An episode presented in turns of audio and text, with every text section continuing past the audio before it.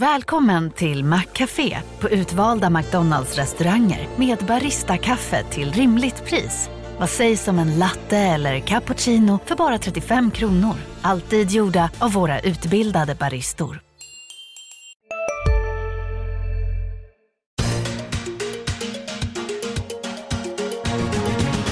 Hej och välkommen till Makrorådet, podden där vi pratar om de stora ekonomiska frågorna. Jag heter Viktor Munkhammar och med mig idag har jag Anna Öster, chefsekonom på Länsförsäkringar och Olof Manner, analyschef på Swedbank. Välkomna båda två. Tack. Tackar, tackar. Solen skiner ute och solen skiner på konjunkturen. Eh, det ska vi prata om. Eh, men, eh, och andra saker också förstås. Det ska vara spaningar och veckans viktigaste och eh, allt det där. Men jag tänkte vi skulle backa bandet lite grann bara tillbaka till förra veckans besked från, från Riksbanken som ju var överraskande för många och för er också, eh, tror jag.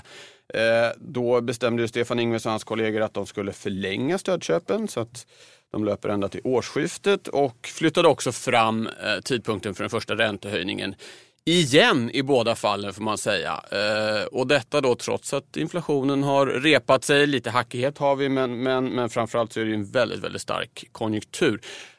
Eh, nu har ni hunnit smälta det här lite grann. Anna, hur går dina tankar kring det här eh, beskedet? Ja, det är mycket intressant med det här beskedet tycker jag. Men framförallt så är det kanske de här 15 miljarderna ytterligare i stödköp som jag blev väldigt förvånad över. Eh, och jag kan inte säga att jag är mindre förvånad nu så här i efterhand när jag har hunnit fundera på det. Jag tycker helt enkelt att den förlängningen var onödig. Det är ju uppenbart att man är väldigt oroad över inflationsutvecklingen och det eh, kan jag ju till viss del hålla med om. Det ser ju inte lätt ut att komma upp till inflationsmålet. Och med de här nya löneavtalen vi har fått här under våren så, så är det en utmanande miljö även om vi blickar fram lite grann. Men i mina ögon så kommer inte det här förändras av de här 15 miljarderna som vi ska köpa här under andra halvåret. Utan det här är ett mer grundläggande problem som vi på något vis då behöver förhålla oss till på ett annat sätt. Och där tänker jag ändå att det är, med tanke på konjunkturen, hur stark den ändå ser ut att vara och vi har liksom många motorer igång samtidigt och det ser inte ut att liksom vara på väg att dippa i närtid. Eh, då tycker jag ändå att det är rimligt att lämna de här absoluta krisåtgärderna bakom sig. Och där tycker jag, där får jag in stödköpen. De skulle ha avslutats nu. Jag tycker också att man borde börja fundera på att höja räntan till noll och hävda att negativa räntor är också en krisåtgärd. Eh, det, det trodde jag inte att de skulle på något sätt göra förra veckan men att förlänga stödköpen tycker jag inte var rimligt. Nej, Olof? Ja, nej, jag kan väl också konstatera att eh, eh, jag var lite jag ska inte påstå att jag var förvånad men jag hade ändå hoppats på att man skulle eh, avsluta eh, de här obligationsköpen i eh, halvåret eh, nu i sommar. Ehm, jag kan förstå med tanke på hur Riksbanken har resonerat, åtminstone halva Riksbanken eh, tidigare, eh, att det här är ju återigen ett sätt att eh, få kronan att inte förstärkas. Eh, 15 miljarder är ju eh, i de här sammanhangen inte speciellt mycket, eh, mycket pengar. Eh, jag var också lite förvånad att liksom räntebanan fortsatt indikerar eh, sänkning. Även om sannolikheten minskade något. Så, så Mer intressant dock tycker jag väl är att, att eh, i och med att man nu återigen var oenig så kommer det bli eh, när spekulationen börjar om vem som ska ersätta Ingves eh, och han har använt nu sin utslagsröst så kommer ju marknaden man kommer få se alltså marknadsrörelser i såväl räntor som krona beroende på vilka eh, personer som bollas in som ska ersätta Ingves. Eh, och marknaden brukar ganska snabbt då klassificera dem som eh, hökar eh, eller duvor, det vill säga hökar som vill höja räntan och, duvor som vill sänka eller låta den ligga kvar. Och det här tycker jag kan vara lite det är inte riktigt tänkt att liksom marknaden ska reagera på den typen av eh, räntepolitik, det vill säga personalersättningspolitik. Då. Eh, vilket jag tror kommer bli fallet nu då i och med att det är så jämnt eh, och utslagsrösten används. Vi kan väl säga hur det funkar där. Det är ju sex personer i Riksbankens direktion. De röstar och om det blir 3-3 som det var i det här fallet och också vid, inför den förra förlängningen innan årsskiftet så är det riksbankschefen som har utslagsrösten och den tvingades då Stefan Ingves använda den här gången. Och Olof som du säger, hans mandat löper ju ut nu vid årsskiftet. Han har då suttit i sammanlagt 12 år och de flesta räknar med att han inte kommer att få förlängt ännu en gång även om han så skulle vilja. Och är, är det så? Det är ju lite intressant här att är det det som är den hetaste penningpolitiska frågan här framöver nu? Vem ska ersätta Stefan Ingves? Ja, det kanske finns några till, men det är en intressant fråga, absolut. Och både det här med att det har varit två gånger nu han har använt sin utslagsröst och det är under sista året av i alla fall hans mandat. Eh, det, om han nu får förlängt eller inte, jag skulle också sätta ganska låg sannolikhet till det men det är inte uteslutet. Men det gör ju också, förutom att det blir spekulationer på marknaden när det kommer upp namn som skulle kunna vara eventuella ersättare så gör ju det också att den här nya då när den kommer in väldigt tidigt behöver bekänna färg. Får liksom ingen liksom uppvärmningsperiod där, där den på något vis kan landa i diskussionerna och ha stöd av en majoritet som tycker någonting. Utan det är direkt eh, ta ett beslut om väldigt viktiga frågor. Det är klart man är där för att ta beslut men det blir ändå skillnad när man eh, har, kommer från den här miljön. Mm. Men jag tänker också att det, har ju att göra, det finns många andra frågor som är intressanta med eh, balansräkningen, de här stödköpen. Kan man tänka sig när vi liksom blickar framåt när man ändå ska börja strama åt. Hur vill man fundera på det? Kommer man skicka någon typ av signaler på det? Eh, så det, det finns ju många andra frågor som är intressanta såklart men det här blir lite onödigt intressant. Ja, de namnen som, om vi nu ska prata om namn, om vi enas om att det ändå är faktiskt en faktor som kommer driva, driva marknaden här den närmaste tiden. Så eh, Carolina Ekholm som är satt i direktionen förut eh, är väl lite frontrunner kan man säga. I fatet för hennes del ligger väl att hon nu är statssekreterare eh, hos Magdalena Andersson och därmed ses som väl politiskt färgad. Sen Jens Henriksson är en annan eh, eh vd på Folksam nu också med ett förflutet i liksom, statsrådsberedningen under S-regeringar. Eh, är det andra kandidater sådär? Var, är, är det någonting det snackas om på handlar, handlargolvet, Olof? Du som går runt där ja, dagarna i ända. Man pratar eh, naturligtvis om det hela tiden men jag tycker eh, vid de sista tillsättningarna så åtminstone jag personligen varit ute och cyklat så att jag eh, har faktiskt ingen Eh, Eh, jag har ingen förväntansbild men jag kan konfirmera att de namnen du har eh, nämnt eh, de har ju funnits med på tapeten. Eh, men som sagt, eh, det kan bli vad, eh, vad som helst.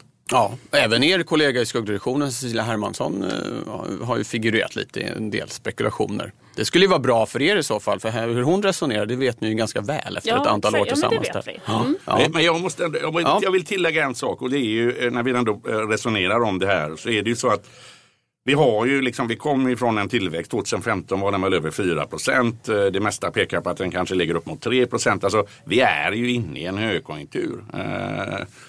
KI-barometern högsta på 20 år ja, var det väl senast exempelvis? Va? Och det är klart att om vi då har så att säga, minusräntor och QE i form av obligationsköp eh, och liksom efter högkonjunktur, efter vad säger man, efter, efter regn kommer sol eller efter sol kommer regn i det här fallet. Ja. Så, så blir det ju så att, att eh, någon gång så kanske eh, tillväxten dämpas något och, och eh, en lågkonjunktur behöver vi inte få men det kanske liksom det kanske, det kanske vänder neråt. Och då börja med så att säga eh, såväl minusräntor som QE. Det är ju inte speciellt roligt. Då, då blir det ju liksom finanspolitiken som får ta vare sig man vill eller ej. Va? Och det är ju liksom jag kan tycka att man, man, eh, man urgröper sin handlingsfrihet med att inte agera i det här fallet. Jag vet inte vad Anna tycker. Nej, men Jag är inne på just det här att ta bort krisåtgärderna. Sen är de ju i en miljö där förmodligen den neutrala, alltså jämviktsräntan också är väldigt låg. Vilket gör att det finns redan där begränsad handlingsfrihet för Riksbanken vad det gäller sin styrränta. De kommer inte kunna höja lika mycket som man har tänkt sig. Eh, eller som de har gjort tidigare helt enkelt. Och det betyder ju att de har mindre att sänka när det väl blir dags för mer av en eh, dämpning eller lågkonjunktur. Eh, så att de begränsas av flera olika faktorer. Men jag tycker ändå att man som sagt borde lämna de här absoluta krisåtgärderna bakom sig för att kunna ha dem att tillgå om alltid så blir nödvändigt. På temat centralbanker ska vi kanske bara nämna att eh, ikväll, det är onsdag den 3 maj när vi står här, så har amerikanska centralbanken Fed, eh, kom, de kom, den eh, centralbanken kommer med räntebesked och där väntar man sig väl eh, absolut ingenting vad gäller räntan. Möjligen formuleringar kring vad de ska göra med balansräkningen, men där tänker man sig att eventuella sådana nyheter kommer mer i protokollet. Men eh, då har vi i alla fall nämnt att också eh, Fed kommer med, med besked ikväll. Då går vi vidare. Vi har just avslutat en eh, fet rapportperiod eh, som överlag har varit bra. Eh, och eh, man brukar kunna få lite konjunkturledtrådar när eh, framförallt kanske industribolagen rapporterar om orderingång och organisk tillväxt och, och andra saker. Eh, och vi kommer från ett läge där konjunkturindikatorer har varit väldigt ljusa. Exempelvis nämnde jag här att KI-barometern på den högsta nivån på 20 år. Vi har haft starka inköpschefsindex länge. Medan utfallsdata har varit inte dåliga men, men klart svagare. Det har varit ett, ett gap här emellan. Och då undrar jag, den här eh, signalen signalerna vi har fått från, från bolagen nu som ju faktiskt är där ute, eh, verkligen i den reala ekonomin. Har den på något sätt eh, förändrat eller bekräftat eller påverkat eller någonting vad gäller er bild av konjunkturen? Nej, men jag tycker väl, om jag ska välja, att det har bekräftat den vyn jag har på konjunkturen. Det känns som att det är en annan bredd nu i den här återhämtningen än vad vi har sett på väldigt lång tid. Att det syns på fler ställen helt enkelt, både geografiskt och branschmässigt. Eh, och det är klart man har till viss del varit oroad över de här väldigt höga konferenssiffrorna, alltså framåtblickande indikatorer. Är det verkligen riktigt eller är det bara på förväntningar på någonting som ska ske och sen kanske inte inträffar? Eh, och jag tror inte att man kan översätta de här väldigt starka konferensindikatorerna på tillväxt i nivå. Alltså det, när de var på de här nivåerna förut för länge sedan, då bidrog det till en högre tillväxt tror jag än vad det gör just nu. Jag tror att till viss del har man med sig den här historien av att vi har varit i en lång återhämtning. Så att det behövs inte riktigt lika mycket nu för att man ska bli väldigt positiv. För att man har en historia med sig där det har varit lite tuffare. Eh, så jag tror inte man kan översätta det till liksom extremt hög tillväxt. Men jag tycker att rapporterna nu ändå verkligen visar på att den här ökningstakten. Att vi har sett att det har kommit igång mer under hösten och här i början på året. Att det, det ser lite annorlunda ut. Det tycker jag man får bekräftat. Så att det ser positivt ut och det ser ut att fortsätta ett tag till tycker jag. Olof, du har ju ansvaret både för liksom aktieanalysen och makroanalysen och har verkligen båda de här bitarna i ditt, i ditt knä. Vad drar du för slutsatser av? Ja, jag skulle vilja säga att eh om man tittar på eh, resultaten från eh, ja, vissa bolag, Sandvik, Atlas, Volvo och så vidare, så, så, ser det ju väldigt imponerande ut. Inte bara resultaten utan även orderingången som då eh, blickar framåt. Eh, och man får väl också säga att eh, eh värderingen på börsen, som ibland ifrågasätts av vissa eh, den är ju mer motiverad. Eh, så att säga. Det här gapet som du pratar om, det sluts ju lite och det innebär ju allt annat lika att fallhöjden på börsen då minskar lite. Företagen så att säga hinner ifatt den mm. värderingen som fanns. Eh, sen är ju många av de här exportföretagen lite valutadopade eh, ska man komma ihåg. Och vår banks och Riksbankens och de flesta andras prognoser vad det gäller kronan är ju trots allt att den ska gå starkare över tiden. Men det tar inte bort så att säga Eh, Eh, styrkesignalen från de här bolagen. Man ser det på flera andra håll. Det dyker upp arbetskraftsbrist inom allt fler sektorer. Eh, framträdande inom eh, byggbranschen naturligtvis. Vi är specialister på det vi gör, precis som du. Därför försäkrar vi på Swedea bara småföretag, som ditt. För oss är små företag alltid större än stora och vår företagsförsäkring anpassar sig helt efter firmans förutsättningar. Gå in på swedea.se företag och jämför själv. Hej, Synoptik här. Hos oss får du hjälp med att ta hand om din ögonhälsa. Med vår synundersökning kan vi upptäcka både synförändringar och tecken på vanliga ögonsjukdomar. Boka tid på synoptik.se. Eh, men även PMI eh, är ju stabilt över 60 och då ska man veta att redan PMI är alltså inköpschefsindex eh, och redan över 50 så är det liksom en kvittens på att ekonomin växer. Nu har vi legat över 60 nästan, jag tror det är fem månader på raken. Vi ser också att PMI, motsvarande siffra för Europa, är stabil och växer. Så att det ser eh, onekligen bättre ut. Det enda lilla orostecknet är väl att hårddata från USA eh, första kvartalet, där doppar svansen ner på PMI och på flera andra siffror. Så att, eh, det är väl någonting man får hålla ögonen på men i det stora hela ser det ju eh, det ser väldigt starkt och bra ut. Bra, tack för det. Då går vi över till spaningen. Eh, Olof, vad är det du har grubblat på hemma på kammaren och ska bjuda på? Ja, men det, det, jag tar vid där jag slutar. Lite. Ja, ja, ja, snyggt. Eh, man pratar ju om eh, svarta svanar ibland eh, på, eh, på marknaden. Svarta svanar är helt oförutsedda händelser som eh, kan inträffa som kan vända på så att säga en, en, såväl en konjunktur som på marknadsrörelser.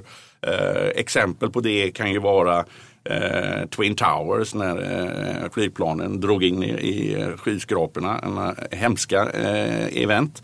Eh, men det finns också Kuwaitkriget. Eh, Lehman-kraschen eh, där man inte hade förväntat sig att, att eh, man skulle eh, låta Lehman gå omkull med mera oförutsedda händelser. Idag har vi en mängd gråa svanar, det vill säga händelser som eh, vi ser skulle kunna ställa till det. Eh, men vi vet inte riktigt eh, eh, utkomsten och hur det kommer sluta. Exempel på sådana gråa svanar har varit då valen i, eller valet i Nederländerna. första omgången i, i det franska valet, det tyska valet. Eventuellt val i Italien. och där ser man ju att fler och fler av de här gråa svanarna har landat och faktiskt inte ställt till det. Och det här är ju viktigt i, i kontexten då om man tittar på konjunkturen som är väldigt stark. Och så ser man på vad som liksom kan eh, slå omkull benen på det här. Och för varje grå svan som landar utan att ställa till det så tycker jag att det finns anledning att bli mer och mer positiv.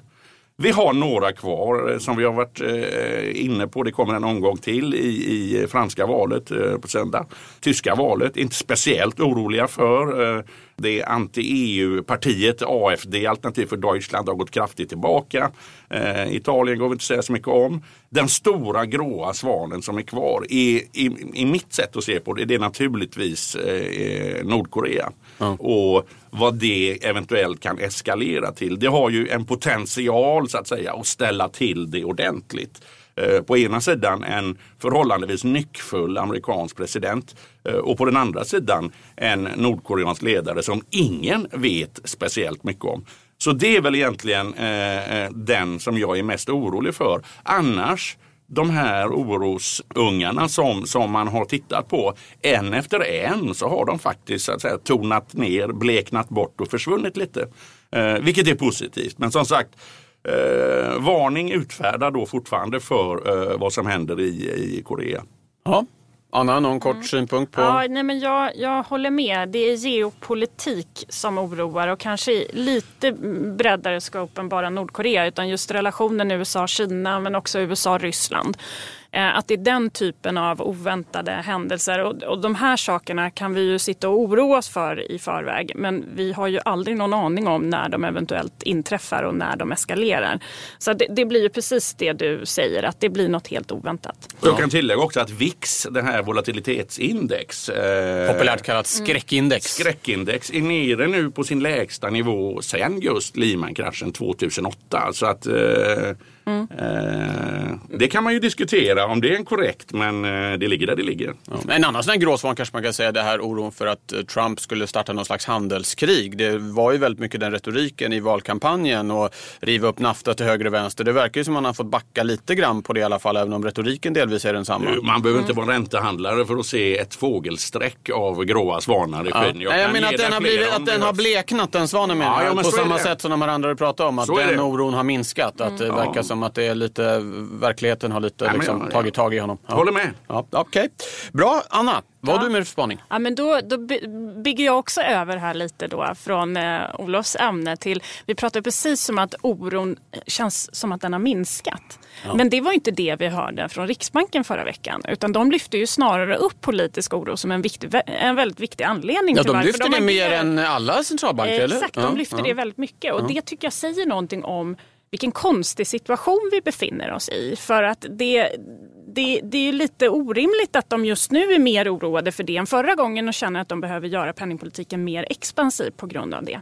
Och då betyder ju det att Riksbanken befinner sig i en väldigt svår sits. Det var vi inne på i början av programmet att det är just det här att den här utmanande inflationsmiljön ser ut att fortsätta.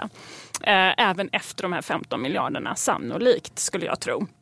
Eh, men om man tittar då på hur inflationen ser ut så är det ju så att den inhemska inflationen så som vi mäter den är ju kring 2 och har varit där ett tag medan den importerade inflationen är Eh, även om den har stigit med en försvagad växelkurs och det är det som man har försökt åstadkomma med att försvaga kronan med den här penningpolitiken så är den fortfarande väldigt låg. Så att för att vi ska få upp en hel, alltså hela inflationen till vårt mål så behöver vi få upp den inhemska inflationen långt över 2% så som det ser ut. Och det är det man tänker att de här löneavtalen inte ska kunna klara av.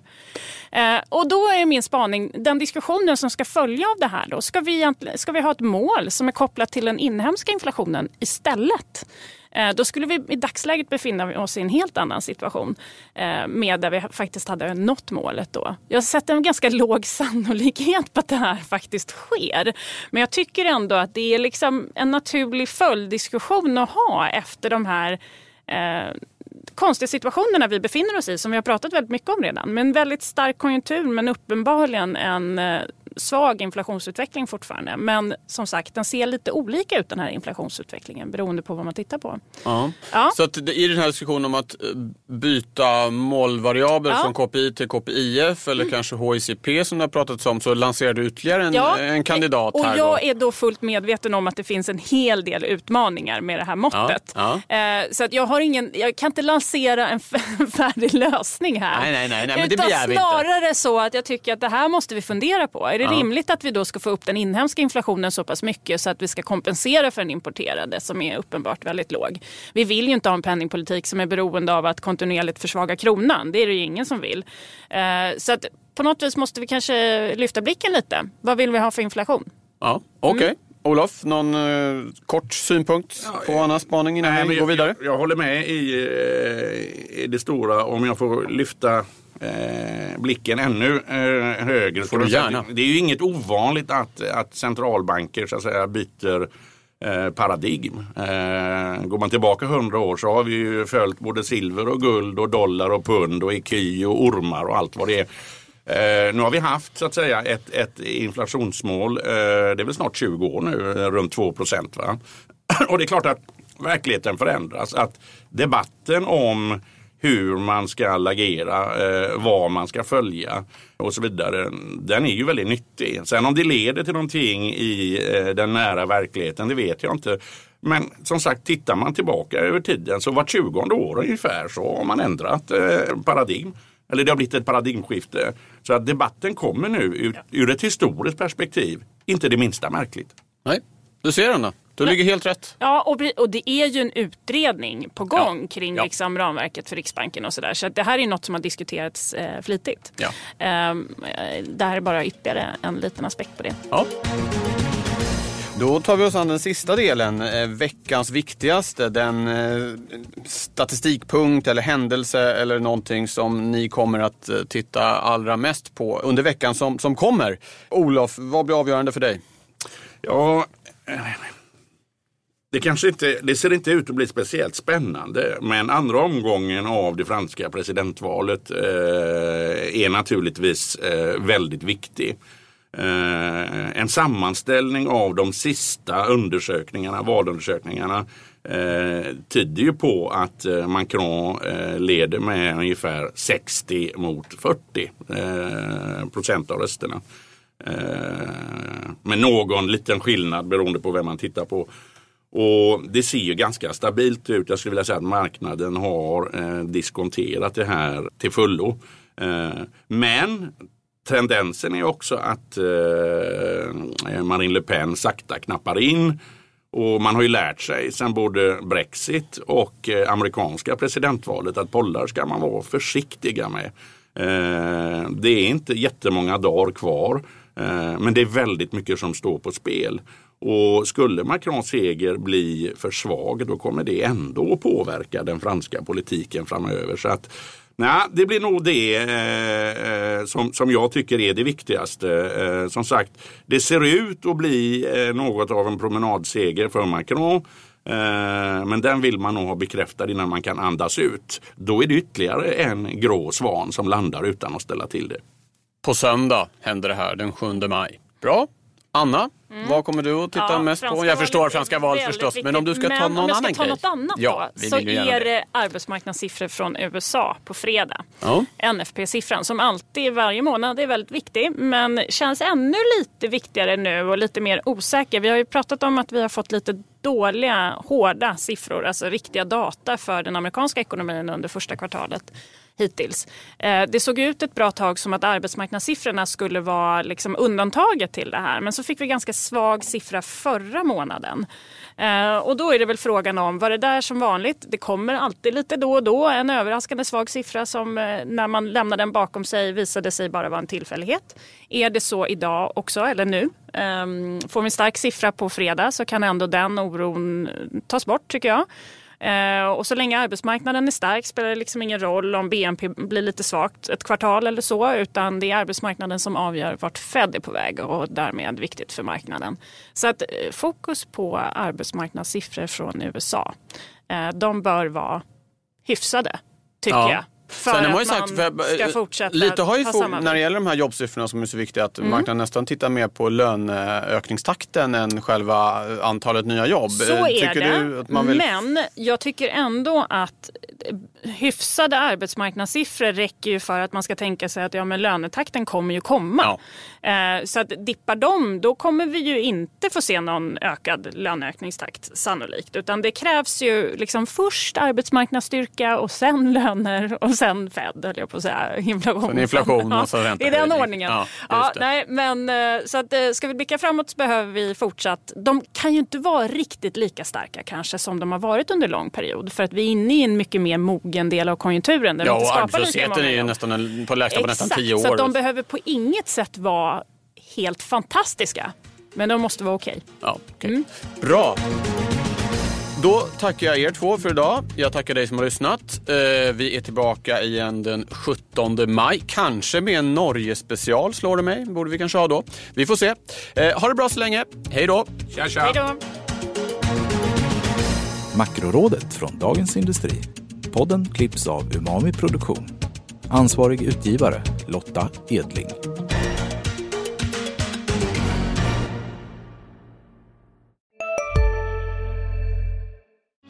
Hej, Susanne Axel här. När du gör som jag och listar dig på en av Krys vårdcentraler får du en fast läkarkontakt som kan din sjukdomshistoria. Du får träffa erfarna specialister, tillgång till lättakuten och så kan du chatta med vårdpersonalen. Så gör ditt viktigaste val idag, lista dig hos Kry. Ska några små tassar flytta in hos dig? Hos Trygg Hansa får din valp eller kattunge 25% rabatt på försäkringen första året. Läs mer och teckna djurförsäkringen på trygghansa.se. Trygg Hansa, trygghet för livet.